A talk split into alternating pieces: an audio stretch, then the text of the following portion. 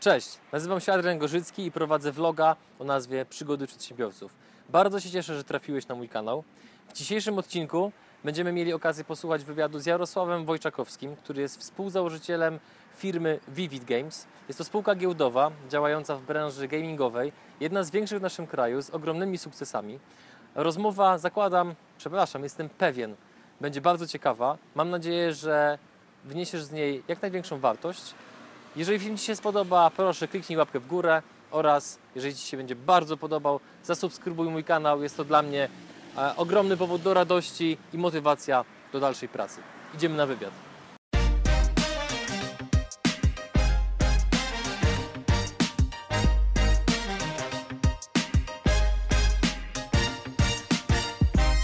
Cześć Jarek. Hej. Bardzo Ci dziękuję na wstępie, że znalazłeś chwilę czasu i zgodziłeś się na to, żebym mógł przeprowadzić z Tobą wywiad na mojego vloga Przygody Przedsiębiorców. I tak zaczynając, z, że tak powiem, z grubej rury, 86 milionów złotych, wartość rynkowa obecnie Vivid Games, ogromne gratulacje. E, W ciągu, z tego co sprawdzałem, od, od samego początku debiutu wzrost o ponad 1000% wartości. Całkiem możliwe, nie wiem, nie, nie sprawdzałem. Robi to kolosalne wrażenie, kolosalne. Jak to się wszystko zaczęło? Co było bodźcem na samym początku? W zasadzie było to dużo wcześniej niż, niż takie oficjalne założenie firmy. Yy, Cała historia zaczęła się gdzieś powiedzmy w 1995 roku, także dosyć, dosyć dawno, kiedy to pierwszy raz zobaczyłem taki komputer jak Amigę. Mhm. E, Ona była wtedy bardzo popularna ze względu na gry, które tam były, ale mnie urzekły nie gry, a demoscena. Mhm. Jest to taki nieformalny ruch, e, gdzie ludzie tworzą e, grupy wspólnie, tworząc na komputerach takie powiedzmy prezentacje multimedialne. Natomiast Różne są kategorie tych prezentacji, są tak zwane dema, tam praktycznie nie ma żadnych ograniczeń.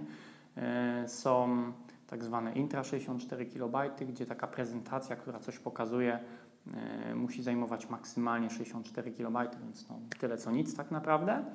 E, I wtedy mnie ta demoscena urzekła. Zacząłem się tym interesować. Kupiłem sobie też Amigę w 97 roku. Pierwszy raz pojechałem na tak zwane demo party. To jest taki Mhm. zlot ludzi, którzy są na tej demoscenie. Tam na tym demo party są właśnie konkursy, gdzie się wystawia te rzeczy w ramach grup, które się zrobiło. Ludzie na to głosują. No i wy, wy, wygrywa się albo się nie wygrywa. E, Różnie to bywa. No i właśnie tutaj, wyczytałem też w internecie, że Ty miałeś bardzo dużo dokonań i osiągnięć właśnie w takich różnych zawodach, takich programistycznych, tak? Można to tak nazwać? W pewnym sensie tak, jest to bardzo nieoficjalne. No, w tamtych latach trzeba pamiętać, że internet dopiero raczkował w Polsce.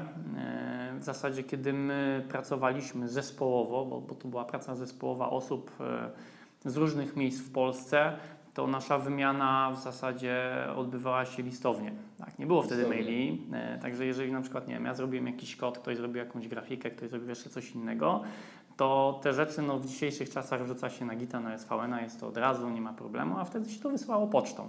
Tak? Także jeżeli, nie wiem, grafik zrobił dla mnie jakiś obiekt, wrzucał to na dyskietkę, wysyłał e, pocztą za 2-3 dni, e, miałem to na miejscu i mogłem coś z tym robić. Także no, to było dużo bardziej utrudnione, ale mimo wszystko produktywność była naprawdę bardzo duża. Nie zniechęcało Was to takie powiedzmy powolne tempo wymiany informacji? Czy to miało swój no, urok myślę, miało swój urok z tego względu, że mm, był czas na przemyślenie, na przeanalizowanie, zrobienie, pokombinowanie. Także nie, nie, nie odczuwałem wtedy na przykład jakiegoś tam problemu w związku z tym. Bardziej, że te grupy były dosyć małe, to było kilka osób, więc można było sobie w ten sposób poradzić.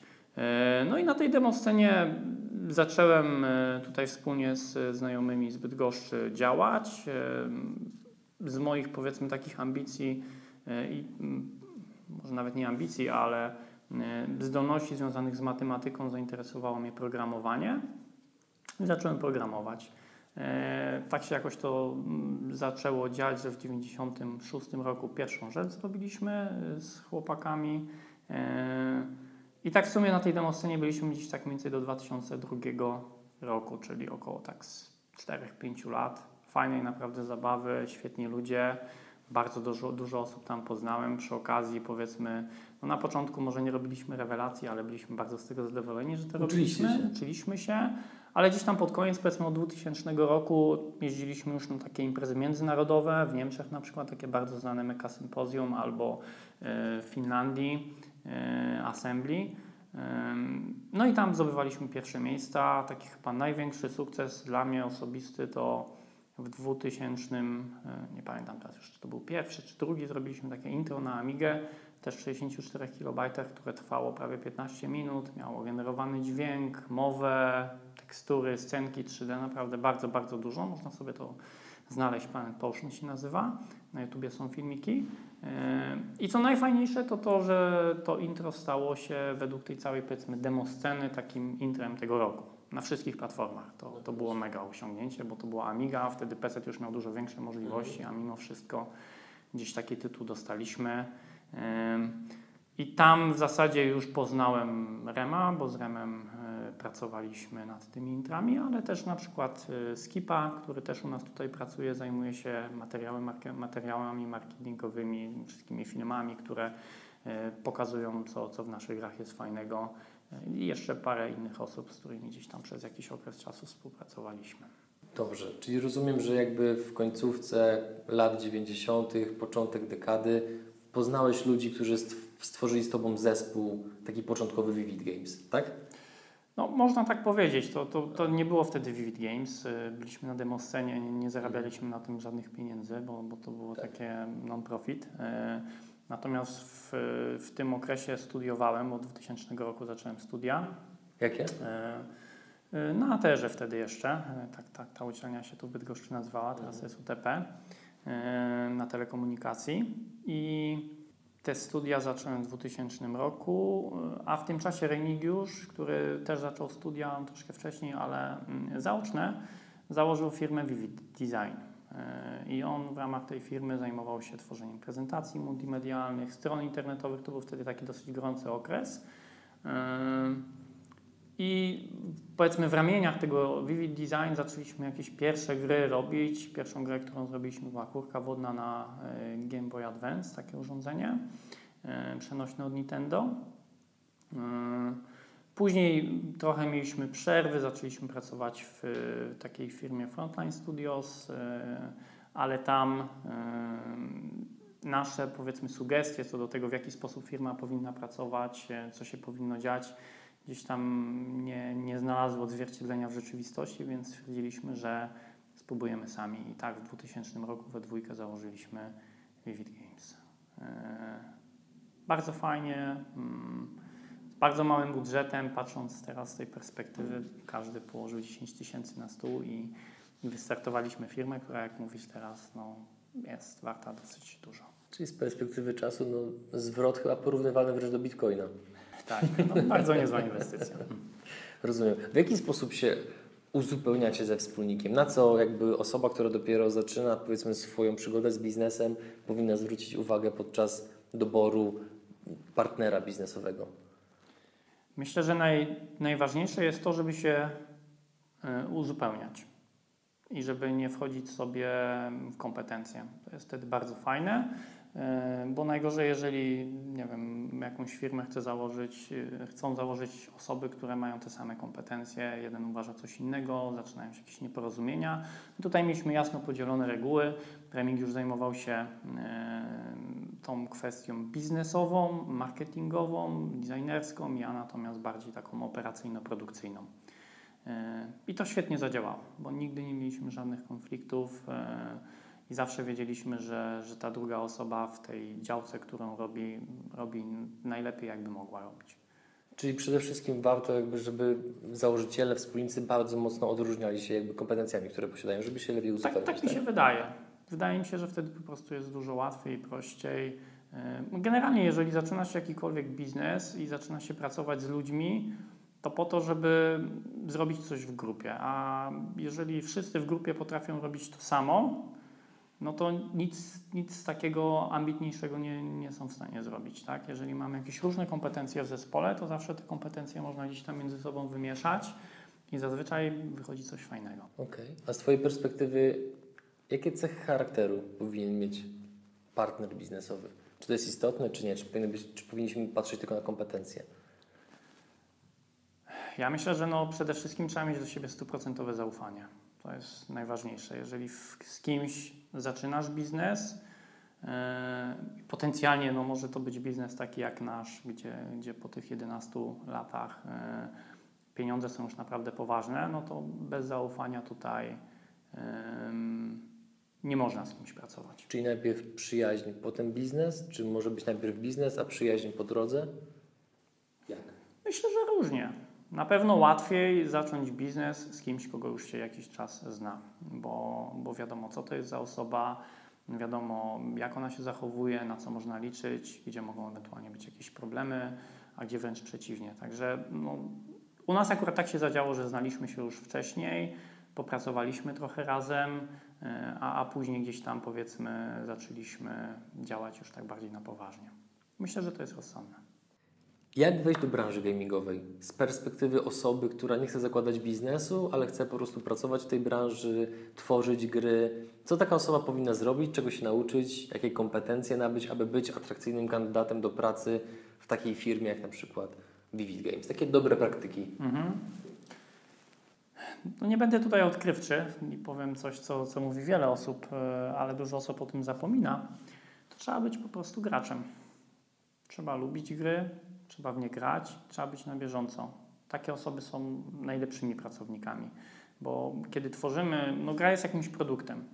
Nie wyobrażam sobie, żeby ktoś, kto tworzy jakiś produkt, nie znał świata, w którym ten produkt powstaje. Nie mógł e, porównać go do innych produktów, nie mógł e, pokazać, jak coś jest zrobione gdzie indziej i tak dalej. Więc no, po prostu trzeba być na bieżąco w branży. Jeżeli yy, robisz gry, to musisz w nie grać, musisz patrzeć, co, co robi konkurencja, dlaczego tak robi yy, i co też ważne, zwłaszcza w naszym rynku yy, gier mobilnych free-to-play, trzeba też rozumieć ten rynek, bo bardzo dużo osób przychodzi do pracy, gra w gry, ale gra w gry na przykład na PC, to są zupełnie, zupełnie innego typu gry i rynku na przykład gier mobilnych free-to-play nie rozumieją. Nie, nie, nie, nie wiedzą, co to są jakieś podstawowe KPI, co to jest retencja, DAO, ARPMAU, czy jakieś tam inne dziwne, dziwne rzeczy. A to jest potrzebne, żeby zrozumieć gracza, żeby zrozumieć, co on robi, dlaczego robi, co będzie robił itd. Tak itd. Tak Dobrze, to ja to pytanie jeszcze rozwinę. Chciałbym, żebyś mi powiedział, jak osoba młoda ma przekonać swoją mamę bądź tatę, że gra w gry, bo chce pracować w branży gamingowej. No bo jesteś rodzicem, jesteś y, graczem, właścicielem tego biznesu, więc jaki, jakich słów powinien taki młody człowiek użyć, żeby mama nie suszyła mu cały czas głowy o to, że ciągle gra w gry? Znaczy oczywiście, no, samo, gry, samo granie w gry to nie wszystko, tak? Y, bo to, że gram w gry to nie znaczy, że będę umiał je robić, więc y, trzeba też rozwijać tą drugą stronę. I myślę, że przede wszystkim trzeba zidentyfikować to, co mnie kręci. Tak? Czy nie wiem, czy, czy lubię grafikę, czy lubię programowanie, czy może samo granie jako testowanie, czy może wymyślanie tych gier. Jak ktoś to zidentyfikuje, no to w tym kierunku może zacząć się rozwijać. Plus w dzisiejszych czasach jest taki, że y, są szkoły już, czy to w Bydgoszczy, jeżeli chodzi o design, czy, czy w Warszawie, czy w Łodzi, E, uczelnie, politechniki, które mają na swoich kierunkach już kierunek związany z game devem, więc można iść na przykład tam, tak? Czyli przekonując tutaj rodziców, że, że, że to jest to, co chce robić, można powiązać z decyzją na przykład o, o pójście na studia gdzieś w jakimś kierunku. Można szukać praktyk. E, są takie inicjatywy jak Game Jamy. To powiedzmy trochę bym to przybliżył do, do tej demosceny, którą my mieliśmy kiedyś, e, czyli jeżdżenie po takich Game Jamach, branie w nich udział, E, uczenie się, poznawanie nowych ludzi, to, to myślę, że to są dobre kierunki. Employer Branding Excellence Award. Czy mógłbyś powiedzieć coś więcej o tym? Bo jakby w internecie znalazłem sporo informacji o Waszych działaniach HR-owych. Wiem, że jesteście bardzo aktywni w tym obszarze. Wiem też, że sporo osób pracuje w Bydgoszczy po relokacji, ponieważ pracowało gdzie indziej. E, słuchamy. Okej. Okay. E, no jest to dosyć modne pojęcie w dzisiejszych czasach. Natomiast może zacznę od tego, że na, tych, na przestrzeni tych 11 lat, kiedy prowadziliśmy tą firmę, bardzo dużo się nauczyliśmy. Przy okazji popełniając oczywiście dużo błędów. związanych z, z pracownikami. Nasza branża jest mm, bardzo trudna, e, ponieważ e, znalezienie osób dobrych, z dużym doświadczeniem e, do tego, żeby pracowały u nas, jest bardzo trudne. Ten rynek jest bardzo wąski, jeżeli chodzi o Polskę. E, Jest dosyć młody. Więc jest to na pewno dla nas duże wyzwanie e, i raczej tutaj zawsze patrzymy z perspektywy całej Polski albo i nawet świata, a nie tylko z perspektywy Bydgoszczy. Tak jak wspomniałeś, sporo osób, które u nas pracuje, to są osoby spoza Bydgoszczy, które albo przyjechały, już tutaj zamieszkały, albo dojeżdżają, wracają co któryś weekend e, gdzieś tam do rodziny, do domu. Mamy także osoby z zagranicy. E, To, na co szczególnie zwracamy uwagę, to na to, żeby osoba do nas pasowała. E, I tego akurat się uczymy od e, gdzieś tam początku. Wcześniej były okresy, w których niedokładnie definiowaliśmy to, co byśmy chcieli od danej osoby. Nie mówię tutaj o kwestiach technicznych, akurat z tym nigdy nie mieliśmy problemu, ale coraz bardziej widzimy, że kluczowym do tego, żeby robić dobre produkty, jest y, posiadanie fajnego, zgranego zespołu. Żeby w zespole były fajne i zgrane osoby i żeby potrafiły dobrze pracować, to trzeba patrzeć podczas procesu rekrutacji nie tylko i wyłącznie na skilla technicznego, ale te, też na, na jakieś rzeczy miękkie, na przykład na komunikację, na rozwój, na to, kto jaki jest i to są rzeczy, na które na pewno bardzo mocno patrzymy teraz podczas rekrutacji. To jakie cechy miękkie ma idealny kandydat do Vivid Games? Myślę, że najważniejsza jest kwestia komunikacji i otwartości. Do tego, żeby nie bał się feedbackować rzeczy, e, bo tak jak mówiłem wcześniej, zależy nam na tym, żeby e, ludzie, którzy u nas pracują, byli też graczami. Więc jeżeli tworzą u nas gry, to żeby potrafili albo chcieli dawać feedback i, i mówić, że słuchajcie, ok, zrobiliśmy coś, ale to nie jest fajne, w innym produkcie jest fajniejsze, albo zrobili to tak, albo inaczej. Więc na pewno otwartość, feedbackowanie to są bardzo ważne rzeczy. Kolejnymi ważnymi to jest e, praca zespołowa, żeby potrafić pracować w zespole. Najlepsze efekty mamy w zespołach powiedzmy 8-10 osobowych, które są mega zgrane. Wtedy jest najlepiej i, i takie osoby właśnie szukamy. Jak takie zgranie się osiąga? E, My wykorzystujemy do tego tak zwaną e, metodologię Agile. Framework, który używamy, to jest Scrum, na którym pracujemy. E, On ma już z gó- z góry określone ramy, w których się pracuje, ale jest to bardzo fajnie sprecyzowane, ba- bardzo fajnie określone. Można sobie naprawdę dużo o tym sieci po, po, poczytać. I, I dzięki temu, powiedzmy, zwinność, y, którą osiągamy, jest bardzo fajna. Potrafimy szybko podejmować decyzje, działać szybko. Jak sam stwierdziłeś, napisałeś, po chwili miałeś odpowiedź. E, W ciągu dosłownie jednej czy dwóch godzin. Niesamowite. Czy będzie, wy, czy, czy, czy się uda spotkać, czy się nie uda spotkać. E, Więc to jest gdzieś tam, powiedzmy, naszą domeną. Tak? Działamy szybko, patrzymy, co się dzieje i adoptujemy się do tego, co jest na rynku. Rozumiem. Jak ściągnąć do Polski, a tym bardziej do Bydgoszczy, która nie jest zbyt znana za granicą, bo za, ludzie z zagranicy kojarzą Warszawę, kojarzą Kraków, Trójmiasto.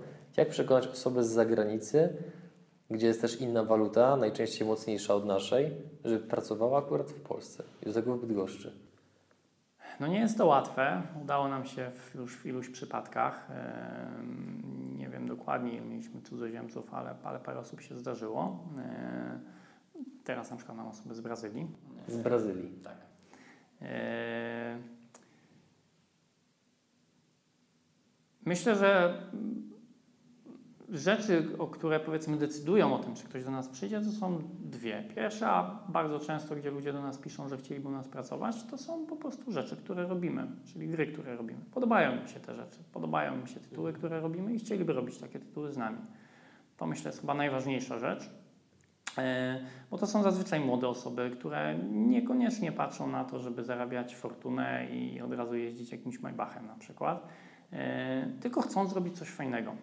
I to jest pierwsza rzecz. A druga rzecz, e, to ok, może Bydgoszcz nie jest za duża, ale ma też swoje uroki, jest bardzo fajnym miastem. Jeżeli ktoś ma dosyć już takiego gwaru, szuka spokoju, wyluzowania, to na pewno ten spokój w Bydgoszczy znajdzie. Jest to fajne miejsce dla rodziny, fajne miejsce dlatego, żeby mm, ten czas tutaj wspólnie spędzać. Może gdybyśmy pracowali w Warszawie, by było dużo łatwiej. Na pewno byłoby dużo łatwiej, ale no, jesteśmy zbyt gorsi. Z tego co wiem, tam macie jakiś drugi oddział, tak? Drugie, drugie studio? Tak, ale jest to bardziej powiedzmy taki mm, ofisowo-biznesowy.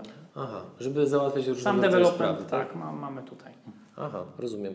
A zahaczając troszeczkę o temat produktów, w jaki sposób wpadliście na to i jak Wam się udało pozyskać licencję na wykorzystanie wizerunku Rockiego, który jest postacią kultową Mhm. praktycznie na całym świecie? No czasami też sam się zastanawiam jak. E, no wiesz co, no to, to, to jest naprawdę praca wielu ludzi e, i to długotrwająca praca. Sam deal, który załatwialiśmy, no, ponad pół roku trwał, jeżeli chodzi o negocjacje, umowy. Zalążek się, że tak powiem, bierze z pracy Remigiusza głównie, które on wykonuje, bo, bo to nie wzięło się tak nagle.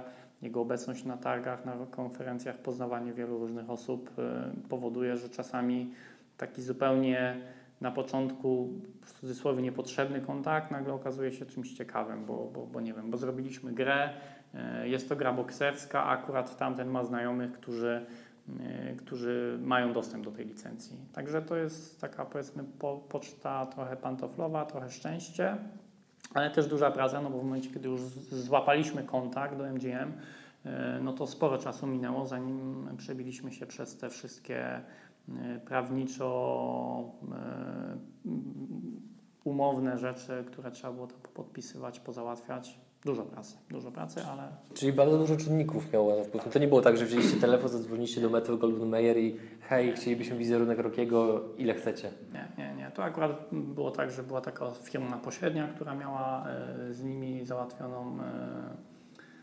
E, e, no nie wnikajmy w szczegóły, tak? Jasne. Ale generalnie jest to proces, który, e, który jest dość mocno czasochłonny i wymaga dużej energii i, i ciekawego podejścia. A czy sprawami do wizerunku Menego Pacquiao było trochę łatwiej, czy nie?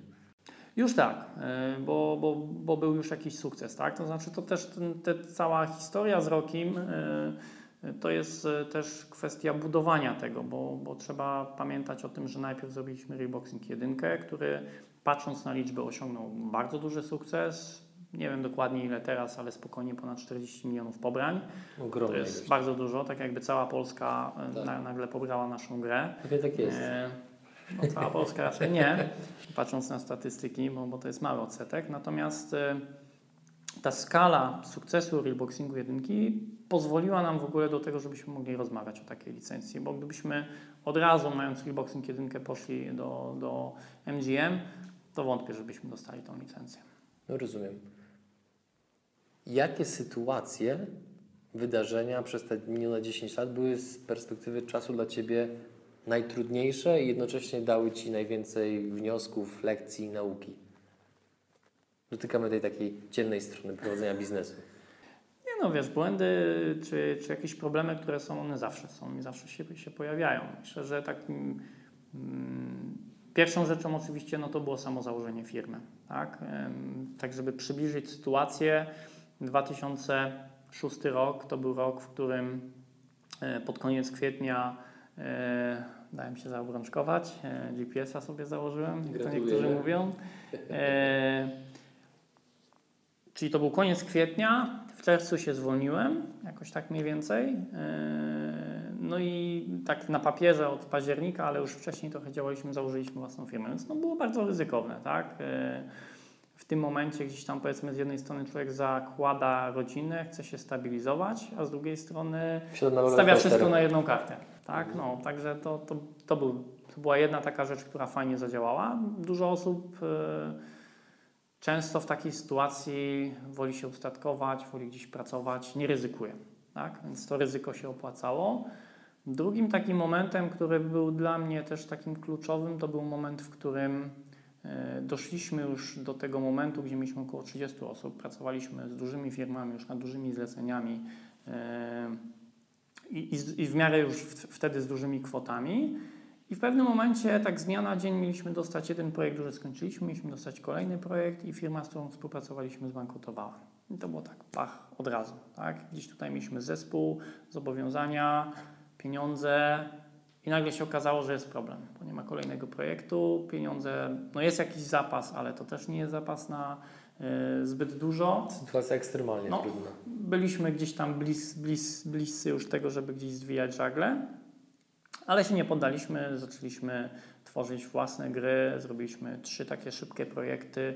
Y, Jeden z nich naprawdę fajnie, fajnie załapał i, i wtedy gdzieś tam to był taki moment, w którym zaczęła nam się lampka palić e, na to, żeby pozyskać jakiś kapitał. Powiedzieliśmy, że jesteśmy w stanie zrobić fajną grę, ale musimy mieć na to pieniądze i czas. Zespół był świadomy tego, w jak trudnej sytuacji jesteście, czy raczej nie mówiliście o tym za bardzo? Nie, to był taki okres, w którym jeszcze byliśmy na tym etapie, gdzie powiedzmy te kwestie menadżersko-biznesowe były między nami dwoma tylko i wyłącznie.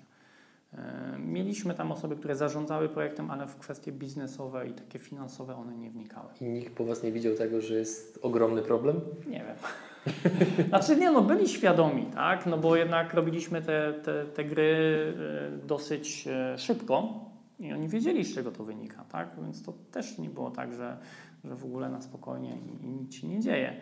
E, Ale, ale głównie to było na naszych, na naszych barkach i, i wtedy właśnie podjęliśmy tą decyzję, że chcielibyśmy pozyskać ten kapitał. Mniej więcej rok czasu mniej więcej minęło do momentu, kiedy nam się rzeczywiście to udało i, i te pieniążki się u nas na koncie pojawiły.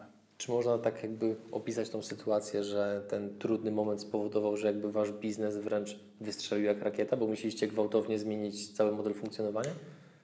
No może nie tak gwałtownie, bo trochę to trwało, ale tak. Na pewno dało nam to dużego kopa. e, Spowodowało, że gdzieś tam zaczęliśmy być widoczni na zewnątrz.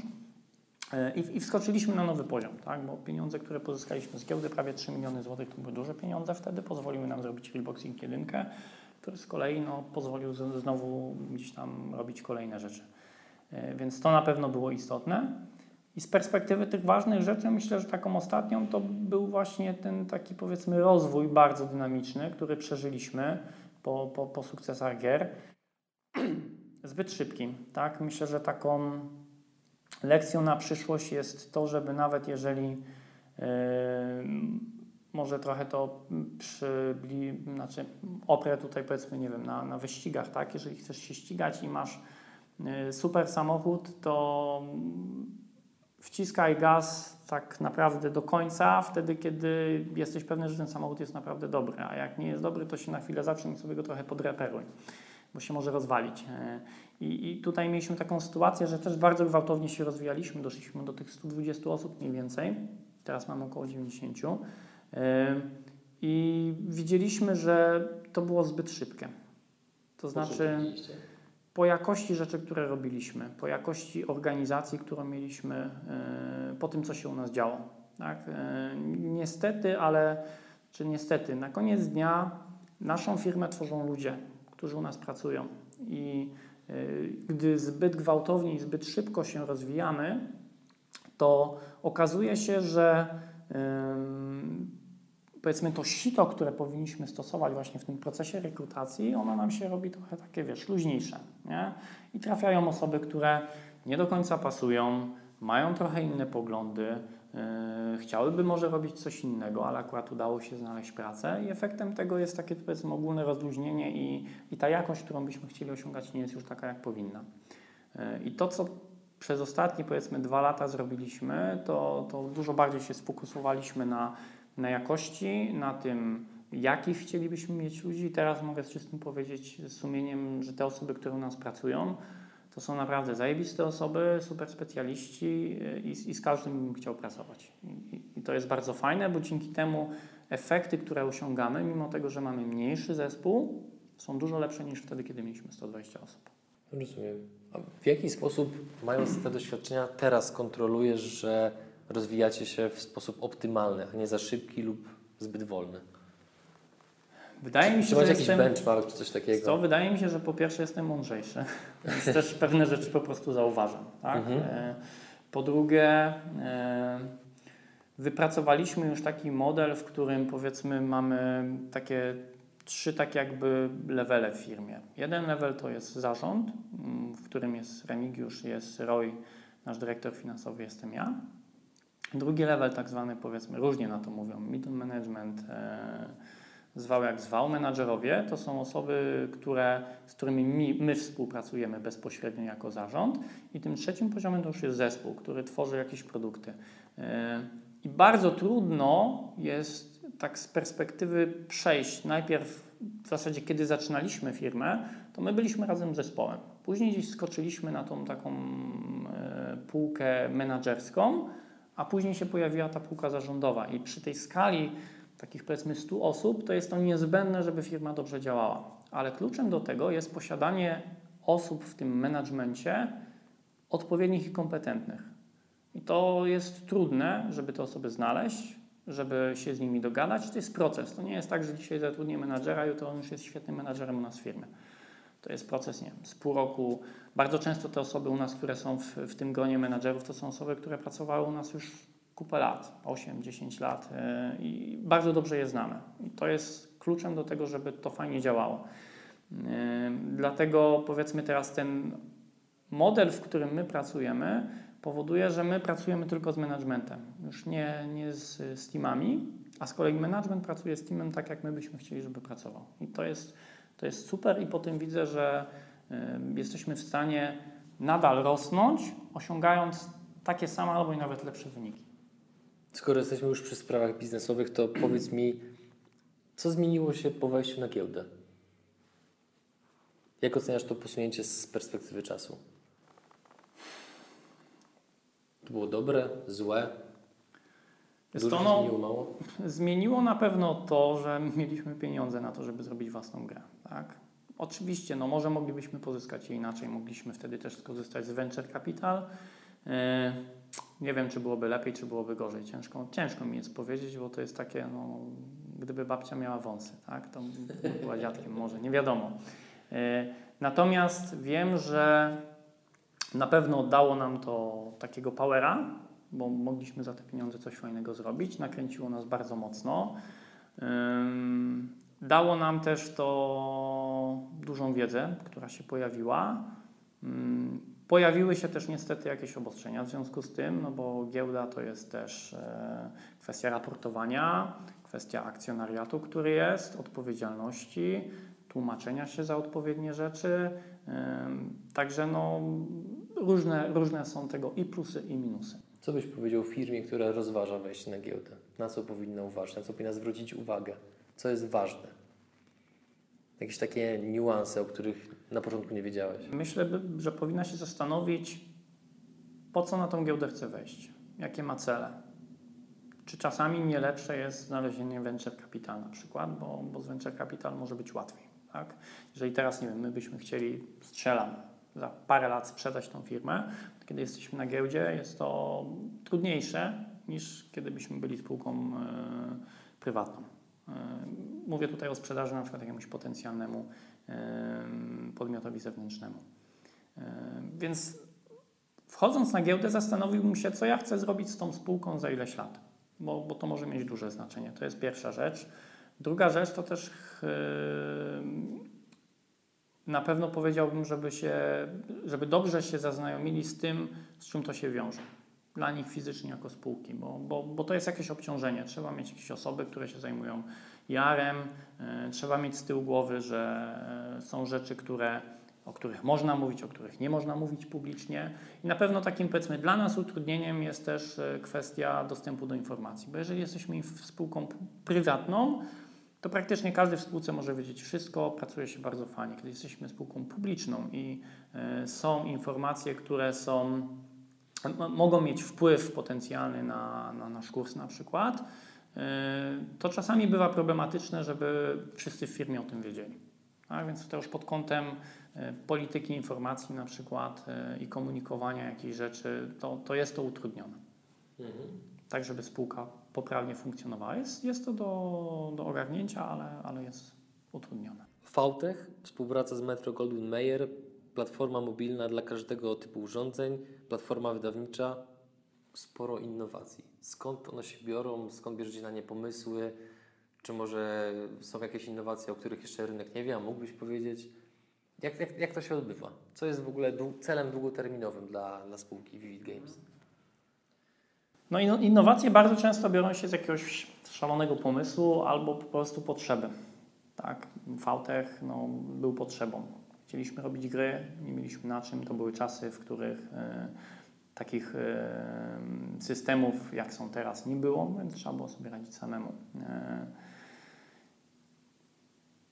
kwestie związane z, z naszym e, tak zwanym SWIM-em, na którego dostaliśmy dofinansowanie i tymi wszystkimi socialowo-multiplatformowymi rzeczami były też powiedzmy efektem potrzeby, która mm, wynikała z gier i z tego, co chcieliśmy robić w naszych grach. Natomiast bardzo często jest to efekt po prostu pracy zespołowej, tego, co się u nas dzieje, jak się dzieje. Nie ma jakiegoś takiego gotowego przepisu, w jaki sposób takie innowacje wymyślać. Na pewno tutaj powiedzmy takim mechanizmem, który ułatwia y, powstawanie takim innowacjom jest, jest fajnie zgrany zespół, otwarte, otwarte osoby i, odpowiednia atmosfera w firmie. To hipotetycznie. Jestem pracownikiem Vivid Games, przyjdzie mi jakiś pomysł do głowy. Do kogo się kieruję z tym pomysłem? Do, do zarządu czy do menadżerów? Co, no tak jak mówiłem, u, u nas y, jest ten powiedzmy trzy teraz taki Tak. stopniowy y, podział, więc jeżeli jesteś pracownikiem, to przede wszystkim jest do swojego przełożonego, do, do menadżera y, i, i mówisz, co masz fajnego. Tak? Tutaj w przypadku na przykład kolejnych wniosków na dofinansowanie, które składaliśmy w tym roku do NCBR, były to dwa wnioski, y, to od, od zarządu wyszła informacja, że chcielibyśmy takie dofinansowanie złożyć. y, określiliśmy ramy mniej więcej finansowe, czasowe, wielkościowe, e, ale to, co chcielibyśmy zrobić, to już wynikło z zespołów. Tak? Rzuciliśmy tak jakby taką informację do zespołów, powstała taka specjalna grupa osób, które były zainteresowane, one same e, wymyślały te pomysły. Tych pomysłów powstało kilkanaście, z czego finalnie wybraliśmy taką piątkę najciekawszych, które zostały przedstawione i ta, z tej piątki zostało finalnie wybrane dwa, które zostały złożone. E, Póki co tam e, część formalną udało nam się przejść. Teraz czekamy e, dalej. Czyli z tego, co mówisz, jakby można wyciągnąć taki wniosek, że Vivid Games bardzo mocno wzmacniacie i dbacie o takie środowisko kreatywne, bo na samym początku wywiadu wspomniałeś o tym, że w jakby poprzedniej firmie, w której pracowałeś, nie do końca słuchano tego, jakie macie pomysły, co warto zrobić i tak dalej. Rozumiem, że tutaj jest inaczej. Tak, no bardzo nam na tym zależy. Jest to istotne i nie chcemy wyglądać jak jakaś korporacja, y, gdzie, gdzie wszystko jest poukładane. Czy poukładane musi być, tak, wiadomo, ale może być w różny sposób, z różnym podejściem. Jesteśmy otwarci, mamy e- elastyczne godziny pracy. Każdy przychodzi w takich core w których musi być, natomiast generalnie może przyjść o 6 rano, może przyjść o 10 do pracy, nie ma z tym żadnego problemu. Jeżeli chodzi o sam, samo mm, bycie kreatywnym u nas w firmie, to jest to ważne, jest to istotne, bardzo to doceniamy. E, Staramy się mieć taką kulturę bardziej powiedzmy już zachodnią, jeżeli chodzi o podejście do pracowników. Mamy bardzo często integracje na przykład, w ramach których gdzieś wychodzimy poza firmę, czy na kilka dni gdzieś jedziemy, coś ciekawego robimy, rozwijamy się, gramy w firmie, mamy turnieje piłkarzyków na przykład, e, czy jakieś inne rzeczy, które nam tutaj ciekawe przychodzą do głowy. Bardzo fajną inicjatywą są na przykład e, poranne śniadania o dziewiątej, które są e, w formie takich dwóch tur, gdzie każdy może sobie przyjść, jest taki otwarty, powiedzmy w formie szwedzkiego bufetu. Można sobie przyjść, kanapkę zrobić, porozmawiać z kimś, e, co, co tam się ciekawego dzieje. Mamy też taką bardzo fajną inicjatywę, która nazywa nas się Demo Day. Polega ona na tym, że raz w miesiącu spotykamy się w głównym holu i każdy team mówi, co ciekawego przez ten ostatni miesiąc zrobił. Prezentuje gry, pokazuje, później mo- można sobie w te gry poznać, e, pograć, e, zebrać feedback, dowiedzieć się, jak gdzie idzie. Także zależy nam na tym, żeby ludzie tutaj w środku też nie ograniczali się tylko i wyłącznie do tego, że przychodzą na 8 godzin, robią swoje i wychodzą, tylko żeby uczestniczyli w życiu firmy, żeby jeżeli widzą, nie wiem, produkt czy tam grę innego zespołu i coś im się nie podoba, to żeby przyszli, powiedzieli, albo jeżeli im się coś bardzo podoba, to żeby może zapożyczyli to do swojego projektu. Także jest to bardzo istotne. Jak zostać testerem gier Vivid Games? Każdy by chciał i się to wydaje takie fajne, że, że się gra, ale to wcale nie jest takie fajne na, na koniec dnia, bo są różnego rodzaju testy. Yy, I, I powiedzmy, jeżeli mamy testy takie stricte gameplayowe, gdzie ktoś sobie po prostu pogra, patrzy, czy jest fajnie, czy nie jest fajnie, no to mo- może to być ciekawe za pierwszym, drugim razem, ale za setnym już nie. Yy, Natomiast też no test, praca testera to jest ciężka praca, bo ona polega na, na testowaniu konkretnych test case'ów, scenariuszy, innych rzeczy, które powodują, że Yy, że no, mo, może to być nudne, ale są osoby, które naprawdę to lubią, świetnie sobie tu radzą. Mamy fajne zespoły, fajne osoby w zespole, z których jesteśmy bardzo zadowoleni. A czy taka osoba z zewnątrz może zostać testerem waszych gier? Jakieś, nie wiem, wersji beta, czy coś jakieś przedpremierowo, czy nie? To no, robimy y, dwa rodzaje powiedzmy testów nad, y, na, na, na grach, które wypuszczamy. Z- Z jednej strony to są takie playtesty, są firmy, które organizują takie playtesty na, y, na zachodzie. Plusem jest tego to, że można sobie powiedzmy zde, zdefiniować grupę docelową, jakie to mają być osoby, z jakim sprzętem, z jakiego kraju, jak często grają i tak dalej, więc można wtedy sobie mm, dopasować e, te osoby do rzeczywiście realnej publiki, która później będzie w grze. Dzięki temu one są dużo bardziej miarodajne. A dwa, no to są tak zwane soft launche, czyli w momencie, kiedy już gra jest w jakiejś konkretnej fazie, wypuszczamy ją na określony rynek dla określonej ilości graczy, dla tysiąca graczy na przykład. I badamy wtedy już konkretnie analityką, co się dzieje w grze, e, jak ludzie grają, jak często do gry wracają, w jakim momencie odpadają, po to, żeby sobie powiedzmy ją dotweakować, bo no, dużo łatwiej jest to zrobić na grupie tysiąca osób, niż e, wypuścić grę powiedzmy niedopracowaną, niedotweakowaną, e, która trafi do kilku milionów graczy. No to będzie wtedy katastrofa. Właśnie, jak już przy tym jesteśmy, czy mieliście taką katastrofę, że wybraliście, wy- wypuściliście grę, która totalnie się nie przyjęła, była, mówiąc kolokwialnie, wtopą? Czy była taka gra i co, co, co to spowodowało? Myślę, że nie jedna. Ym, Było kilka takich tytułów, y, niestety, natomiast no, z każdego czegoś się uczymy. Tak? Także to jest na pewno mm, jakiś plus, że, że, że wyciągamy z tego lekcje. Czasem niestety popełniamy jakieś błędy kilka razy, zanim wyciągniemy naprawdę dobre wnioski. Przykład może? Ciężko mi teraz tak bezpośrednio gdzieś do czegoś nawiązać. Natomiast myślę, że to, co jest ważne, to właśnie to, w jaki sposób teraz podchodzimy do produkcji, bo dzielimy ją na odpowiednie fazy. Wcześniej to było tak, że kiedy zrobiliśmy grę, wypuszczaliśmy ją yy, i patrzyliśmy, co się dzieje, ewentualnie jeżeli coś było nie tak, to re- reagowaliśmy. Yy, a teraz jest tak, że mm, powiedzmy są trzy fazy takie powiedzmy w y, czasie trwania projektu. Pierwsza faza to jest faza, kiedy robimy ten taki core gameplay y, i to co chcielibyśmy sprawdzić, czy w ogóle to załapie, czy ten gameplay jest fajny, czy ludzie będą chcieli w to, grać w tą grę i tam zazwyczaj to się kończy playtestami, czasami takim soft launchem na, na rynku, żeby zobaczyć, czy w ogóle ludzie to, to chwytają, czy to jest dla nich fajne. Jeżeli to jest fajne, to wtedy drugim y, okresem jest okres soft launchu, który trwa kilka y, miesięcy i tam grę rozwijamy, dodajemy konkretne rzeczy, zbieramy już konkretny feedback z rynku i dopiero wtedy, kiedy gra ma odpowiednie KPI, e, odpowiednie parametry, które chcielibyśmy, żeby miała, to wtedy jest tak zwany hard launch i wypuszczamy ją na, e, już na, na cały świat. Porozmawiajmy chwilę o firmach zewnętrznych, które chciałyby współ- współpracować z Vivid Games, o potencjalnych dostawcach. Czego Vivid Games poszukuje? Jakich produktów, jakich usług? Jaką dałbyś wskazówkę potencjalnym dostawcom, którzy chcieliby z Wami współpracować? Co jest dla Was ważne? W zasadzie nie ma zbyt wielu tych dostawców. Podzieliłbym je na, na dwie części. Jedna to są takie, które mm, można tak naprawdę nazwać dostawcami, czyli firmy, z którymi współpracujemy po to, żeby wydawać i, i robić fajne gry. I tutaj takich firm aż tak dużo nie ma, bo od strony produkcyjnej to zazwyczaj są to firmy, które nam tłumaczą y, gry, bo nie mamy tutaj wewnętrznie takich osób, które to robią. E, Plus firmy, które są związane bardzo często z marketingiem, czyli ASO, SEO, przygotowanie kampanii marketingowych i to zazwyczaj są firmy z zagranicy, które mają po prostu duże doświadczenie, odpowiednie resursy, kontakty, żeby robić to dobrze. E, Czasami nam się zdarza pracować z jakimiś firmami na outsourcie, jeżeli chodzi o grafikę.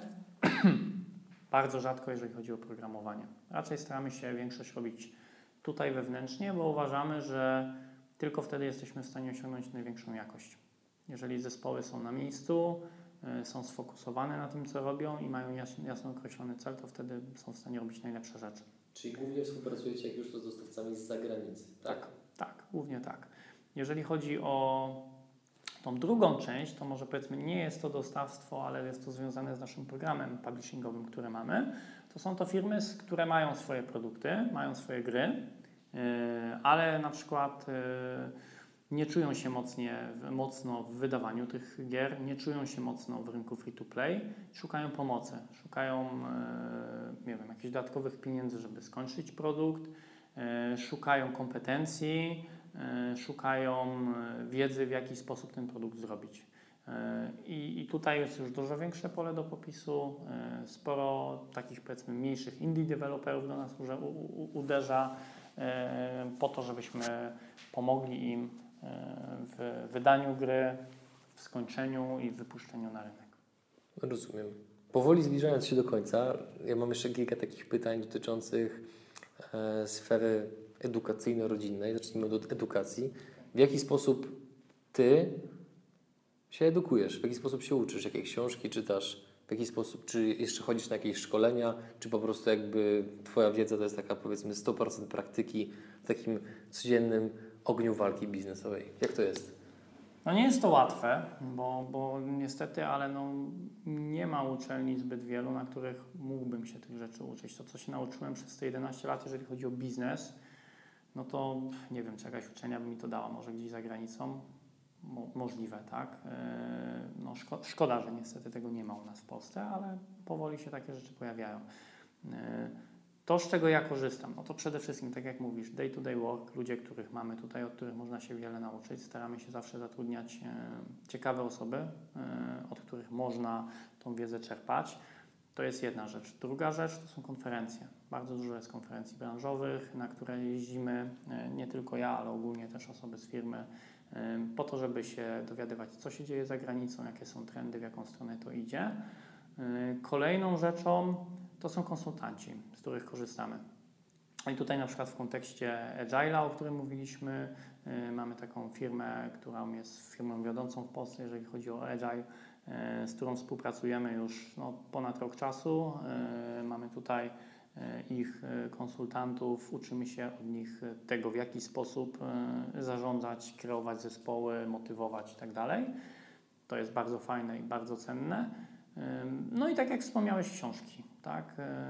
Książek jest, jest bardzo wiele, czasami się trafiają jakieś fajniejsze, czasami nie. Ja bardzo mocno ostatnio się skupiam na książkach takich, które raczej niosą za sobą jakąś konkretną wiedzę, a nie, nie są powiedzmy opowiadaniami. Tak? Lubię czytać biografie y, jakichś znanych osób. y, Czasami zupełnie przez przypadek mi się jakaś książka trafi. y, A taka Twoja ulubiona albo najbardziej wartościowa dotychczas, którą przeczytałeś, którą mógłbyś śmiało w ciemno polecić? Ciężko mi powiedzieć, bo to zależy kto co lubi i kogo jaka wiedza interesuje. Są książki stricte związane z autobiografią, jak no, chyba dużo osób to przeczytało, bio- biografia Steve'a Jobsa. Czytałem. Tak, yy, ale jest na przykład taka bardzo fajna książka yy, Czarny Łabędź Taleba yy, o rachunku prawdopodobieństwa, która też mi osobiście wywróciła w pewnych momentach do góry nogami sposób rozumowania i podejścia do pewnych problemów. Bardzo fajna, też polecam, chociaż już w dalszej części jest taka bardzo mocno techniczna. Yy, No i wiele innych. No, gdzieś tam już mam, mam je na liście. Jakby ktoś chciał, to z chęcią mogę się podzielić. Nawiązałeś do uczelni wyższych, że jak już to za granicą, a czy w takim razie, czy Ty jesteś wykładowcą na jakiejś uczelni? To zdarzyło mi się parę razy mieć wykłady na uczelniach czy na, na konferencjach, ale ostatnio jakoś tak y, nie mam, nie mam na to czasu. Wolę ten czas poświęcić na własną naukę niż na naukę kogoś innego. Rozumiem. A gdyby do Ciebie się jakaś uczelnia zgłosiła, rozważyłbyś propozycję, czy na razie mówisz stanowcze nie? Y, Miałem jakieś propozycje, ale na razie, z, y, na razie odmówiłem. Okej, Może, rozumiem. może za parę lat. Jasne.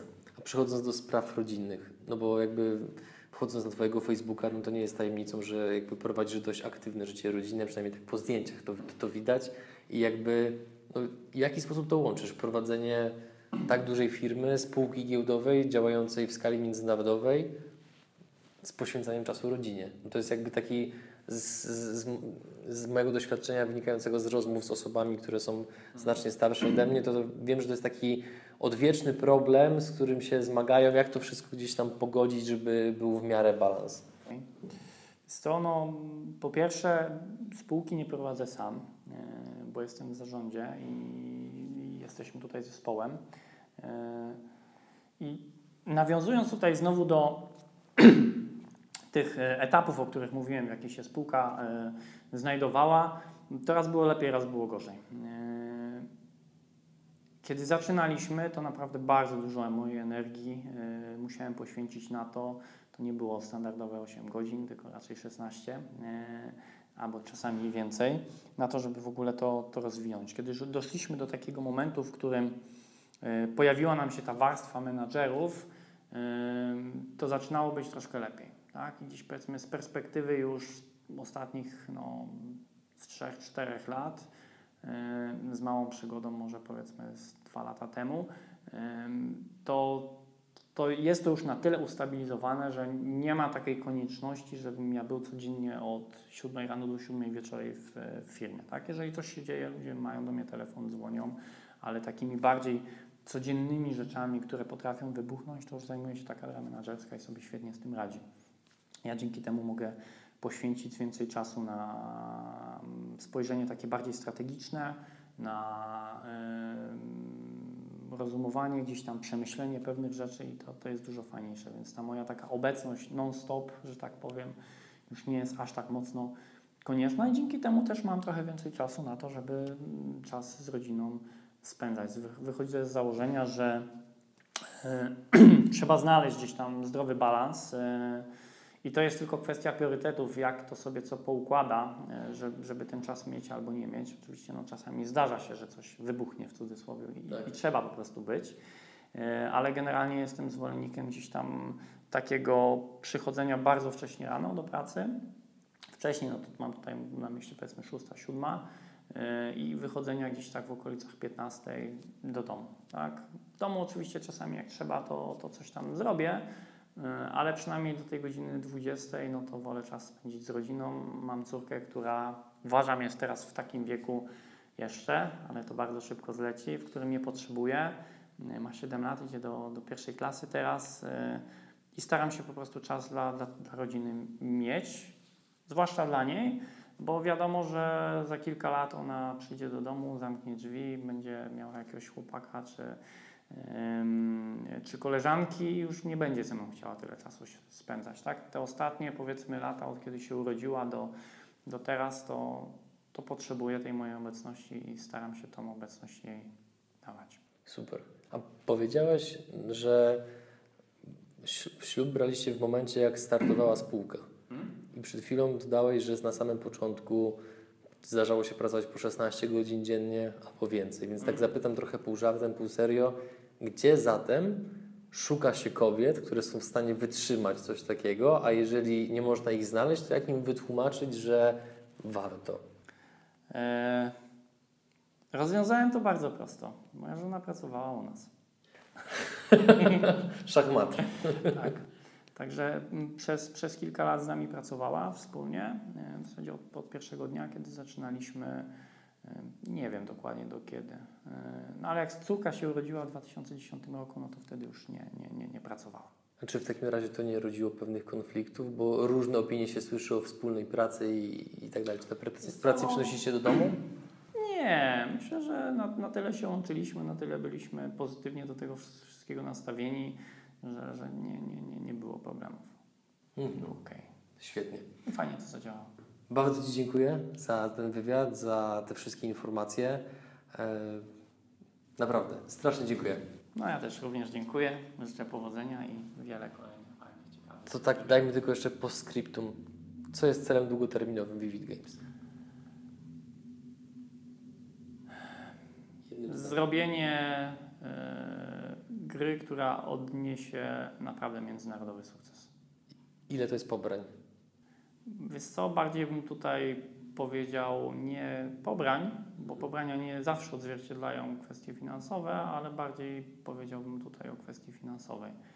Nie, nie mogę mówić o konkretnych kwotach, jesteśmy spółką publiczną, więc Rozumiem. progno, prognoz żadnych nie udostępniamy, natomiast no, na pewno chcielibyśmy zrobić grę, która będzie e, odniesie dużo większy sukces e, niż Reeboxing. Super. Jeszcze raz dziękuję.